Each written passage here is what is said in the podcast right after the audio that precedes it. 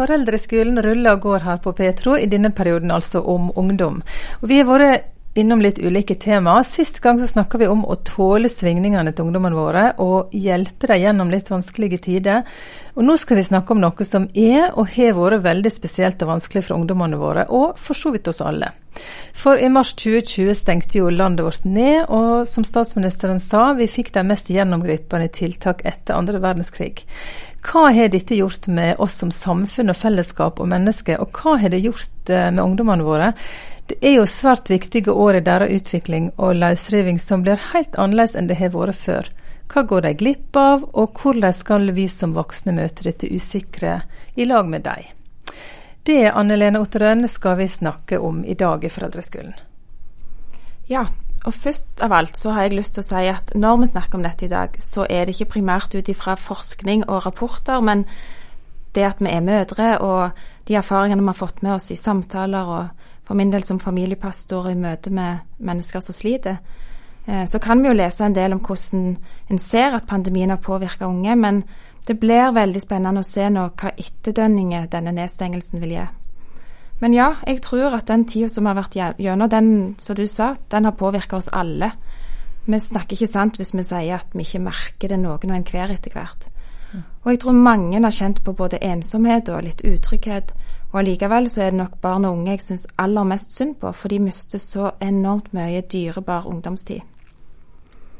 Og I tillegg så kan nok hverdagen for disse oppleves uforutsigbar og til tider utrygg. Og så vet vi at trygghet det er jo et basisbehov vi har alle sammen. Og når det blir rokka med, da skjer det noe med oss. Og så vet vi òg at vi reagerer ulikt, men mange ungdommer de, de har kjent på en sterk ensomhetsfølelse. Mangel på mening, mangel på kontroll og redsel rett og slett for framtida. Og for noen så har denne tida rett og slett ført til psykiske belastninger som er veldig krevende, Undersøkelser viser at unges psykiske helse har blitt klart forverret under pandemien, og vi hører om lange ventelister for at de skal få hjelp. Og så er det jo ingen quick fix som hjelper sånn sett mot pandemien, og det har vært mye usikkerhet å forholde seg til. Men eh, det er etter hvert ganske mange ungdom som har fått uh, ting å stri med som angst og depresjon f.eks.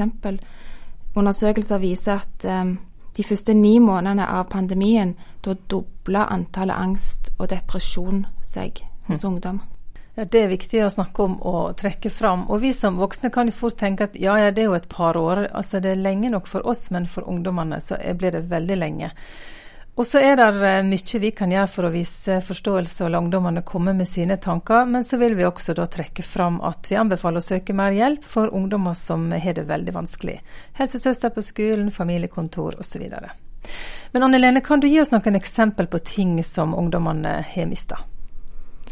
Ja, vi kan ta noen, noen eksempler. For rent konkret så mister de faktisk muligheten til å kunne glede seg skikkelig til ting de skal på. Mm. Det er jo så stort usikkerhetsmoment nå i forhold til er det mulig å gjennomføre arrangementet, men òg mindre sam eh, samlinger. Blir det avlyst pga. smitte, eller ja, hvordan, hvordan blir det? Og så vet vi at mange av ungdommene de har gleda seg til festivaler på sommeren, og det er mange aktiviteter som de er vant med å gå på som har blitt satt på vent. Så disse litt større arenaene for fellesskap de har iallfall blitt veldig innskrenka. Eh, det gjorde veldig inntrykk på meg eh, når jeg snakket med en ungdom nå for ikke så lenge siden. Så sa denne personen at vet du hva, jeg har slutta å glede meg til noen ting. Mm. Og det gjør jeg, for da blir ikke skuffelsene og avvisningene så store og vonde. Og så vet vi det at det er viktig å både ha mening og glede i hverdagen. Og det å ha noe å se fram til eller glede seg til. Så, så det er lett å forstå at det er noe som påvirker dem. Eh, ja, og så mister de òg muligheten til fellesskap og relasjoner på en kan vi si, normal måte. Fordi at eh, de får ikke mulighet for å få feedback og bekreftelse av hverandre, på, sånn som de gjorde før. For i perioder så har det òg vært ganske små kohorter som de har kunnet være i lag med. Eh, og det har jo ført til at mange ungdommer har kjent på ensomhet, men òg utenforskap. De ble ikke en av de fem eller ti som ble invitert. Og det har gjort at veldig mange unge sier at eh, de tror de er de eneste som sitter alene på rommet sitt, og at alle andre har noen å være med. Og da tenker jeg det er fort gjort å gå inn i sånn overtenking som ungdommene sier, og snakke seg sjøl ned. Mm. Og så vet vi at skolehverdagen den har variert fra, ja, fra hjemmeskole faktisk til ulike fargekoder som de må forholde seg til på skolen. Og veldig mange ungdommer er stressa nå over at de henger etter, og at de har hull i forhold til pensum. Så ja, det er noen eksempler på sånne ting som de mister. Du, ungdom i dag er jo ganske digitale. Jeg sjøl var voksen ungdom før jeg visste hva en datamaskin var, og jeg mm. hadde mobiltelefon. Fikk jeg første gang da jeg var 30 år. Og så husker jeg da jeg var barn at vi så en sånn framtidsfilm der det faktisk gikk an å se den en snakka i telefonen. Veldig utopisk da, men nå er det jo slik. Og vi, og spesielt ungdom, er jo blitt noen racere på disse sosiale plattformene. Kan det erstatte noe av ensomheten de føler? Ja, det er veldig mye bra med å kunne møtes på Zoom eller Teams, eller noen sitter jo også og gamer sammen, men eh, digitalt samvær kan jo aldri erstatte fysiske møter og fellesskap. Og undersøkelser viser at det som har vært noe av det vondeste å miste for ungdommene denne tida, det er det sosiale. For vi blir til i møte med hverandre. Sånn er det òg for ungdommene. Og når ikke de har noen jevnaldrende som kan bekrefte dem lenger, så forsvinner noe av tilhørigheten, og så oppleves det som en distansering eller distanse mellom de, rett og slett. For før så kunne de speile seg i hverandre, men nå har de på en måte blitt vant til å måtte speile seg i skjermer og sosiale medier, tror jeg. Og da blir de lett fora med løgntanker, og så er det en del som sier de blir tiltaksløse og litt motløse. Mm. Og så sier de ofte én interessant ting. Vet du hva, jeg vet ikke helt hvem som er vennene mine lenger. Hmm. rett og slett utfordrende tider på mange plan, eh, dette her, Anne Lene. Men har det vært noe som har vært bra for ungdommer med denne tida vi har vært i? Ja, mon om ikke det er sånn at uh, det har vært fint for en del av ungdommene å få mer tid sammen med familien sin. Uh, undersøkelser viser at én av fem ungdommer sier det, at de, mm. De, har satt pris på det. Men så er det jo sånn da at uh, kriser ofte forsterker det som allerede fins. Sånn at de familiene som hadde det greit fra før, de har nok klart denne kneika ganske greit. Mens familier som har hatt det litt krevende fra før, kanskje har fått mer å streve med. Mm. Og så tror jeg at denne tida har gitt mange en mulighet til å holde et lavere tempo i hverdagen. Og så er jeg usikker på om ungdommene har kjent det så veldig mye roligere helt reelt, for jeg tror de har hatt det veldig travelt i hovene sine med bekymringer og krevende tanker. Men ja, lavere tempo tror jeg er noe som både de og, og vi har hatt godt av. Mm.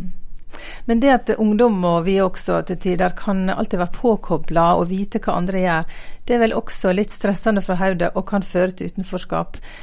Eh, har du noen tips til foreldre i forhold til hva vi kan gjøre for å hjelpe ungdommene våre? Hva kan vi råde dem til å snakke med dem om, og hvordan kan vi vise forståelse for at eh, ja, dette her er tøft? Det første jeg har lyst til å si er vær raus med deg sjøl og med ungdommene. Eh, det har krevd oss både liten og stor denne perioden.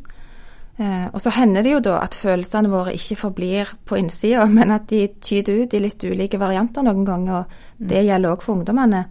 Så vi gjør lurt i å romme de og anerkjenne at det er lov. Følelser er lov, det er sunt og det er riktig. Mm. Og da tenker jeg at vi lettere bevarer relasjonen og kontakten med de. Og så en ting som iallfall jeg har sett har vært hjelpsomt hjemme hos oss, det er dette med rutiner og det å gjøre ting sammen. Når alle, når vi var fem stykker på hjemmekontor, da hadde vi faste tider for å drikke kaffe klokka ti, selv om det var bare to som drakk kaffe, og lunsj klokka tolv, og middag på vanlige tid. For jeg, jeg har tro på dette med litt at rammer kan skape forutsigbarhet og trygghet. Og selv om ungdommene ikke alltid takker ja til invitasjonene våre, så kan det være fint å spørre dem om om de har lyst til å være med å spille noe, lage noe, bake noe, gå en tur. Og, ja, eller det kan være å se en film sammen, men iallfall ha fellesskap, da. Og det å vise dem, og, og med det òg selvfølgelig mene, at vi har lyst til å være sammen med dem, det er viktig. Og så er det dette da med å invitere dem til å fortelle hvordan de har det, og eventuelt sette ord på hva de trenger eller ønsker seg. Og når de gjør det, da er det lurt at vi voksne ikke sitter foran en skjerm og kikker inn i den, da, men at vi møter blikket de som er til stede. Og til slutt så tenker jeg at hvis du opplever at ungdommen din trekker seg påfallende mye unna eller endrer atferd, da er det lurt å ha lav terskel for å spørre eh, det offentlige om hjelp. Vi er skapt til fellesskap, og det er godt å ha noen å stå sammen med når ting blir krevende. Du, Vi oppsummerer denne episoden med at eh, vi som voksne rundt ungdommer i denne koronatida må vise forståelse og raushet i forhold til følelser de har rundt dette livet. Og så må vi vise at vi ønsker å være i lag med dem. Og så er det jo sånn nå at eh, lettelsene kommer til å komme etter hvert. Mm. Eh, da må vi stå der og heie og hjelpe dem inn igjen i fellesskap og planer som det kanskje har blitt lite av. For det er vel sånn med både deg og oss, Anne Lene, at det kan være litt vanskelig å vite hvor vi skal begynne nå. Helt sant. Vi er jo litt sånn vanedyr, og vi har gått oss inn i nye vaner og nye mønster. Men ja, bare et sånn helt enkelt lite tips kan jo være det med å, at vi voksne nå er rause med å åpne huset vårt, sånn at uh, ungdommene har en plass å henge. Mm. Og ellers passe på at uh, vi er nok sammen med dem til at vi, ja, ja, så godt vi klarer da, får tak i hvordan de har det, og høre hva behov de har. Og så må vi bare håpe at eh, nye mønstre dannes med at de gradvis blir vant til en hverdag uten restriksjoner, og, at det er mulighet for mer nærhet og, og relasjon og fellesskap.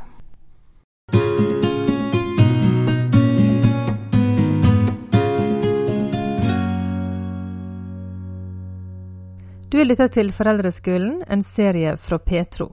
Her møter du Anne Lene Otterøen og Anne Birgitte Lille Bøbø Serien er laga med støtte fra Medietilsynet.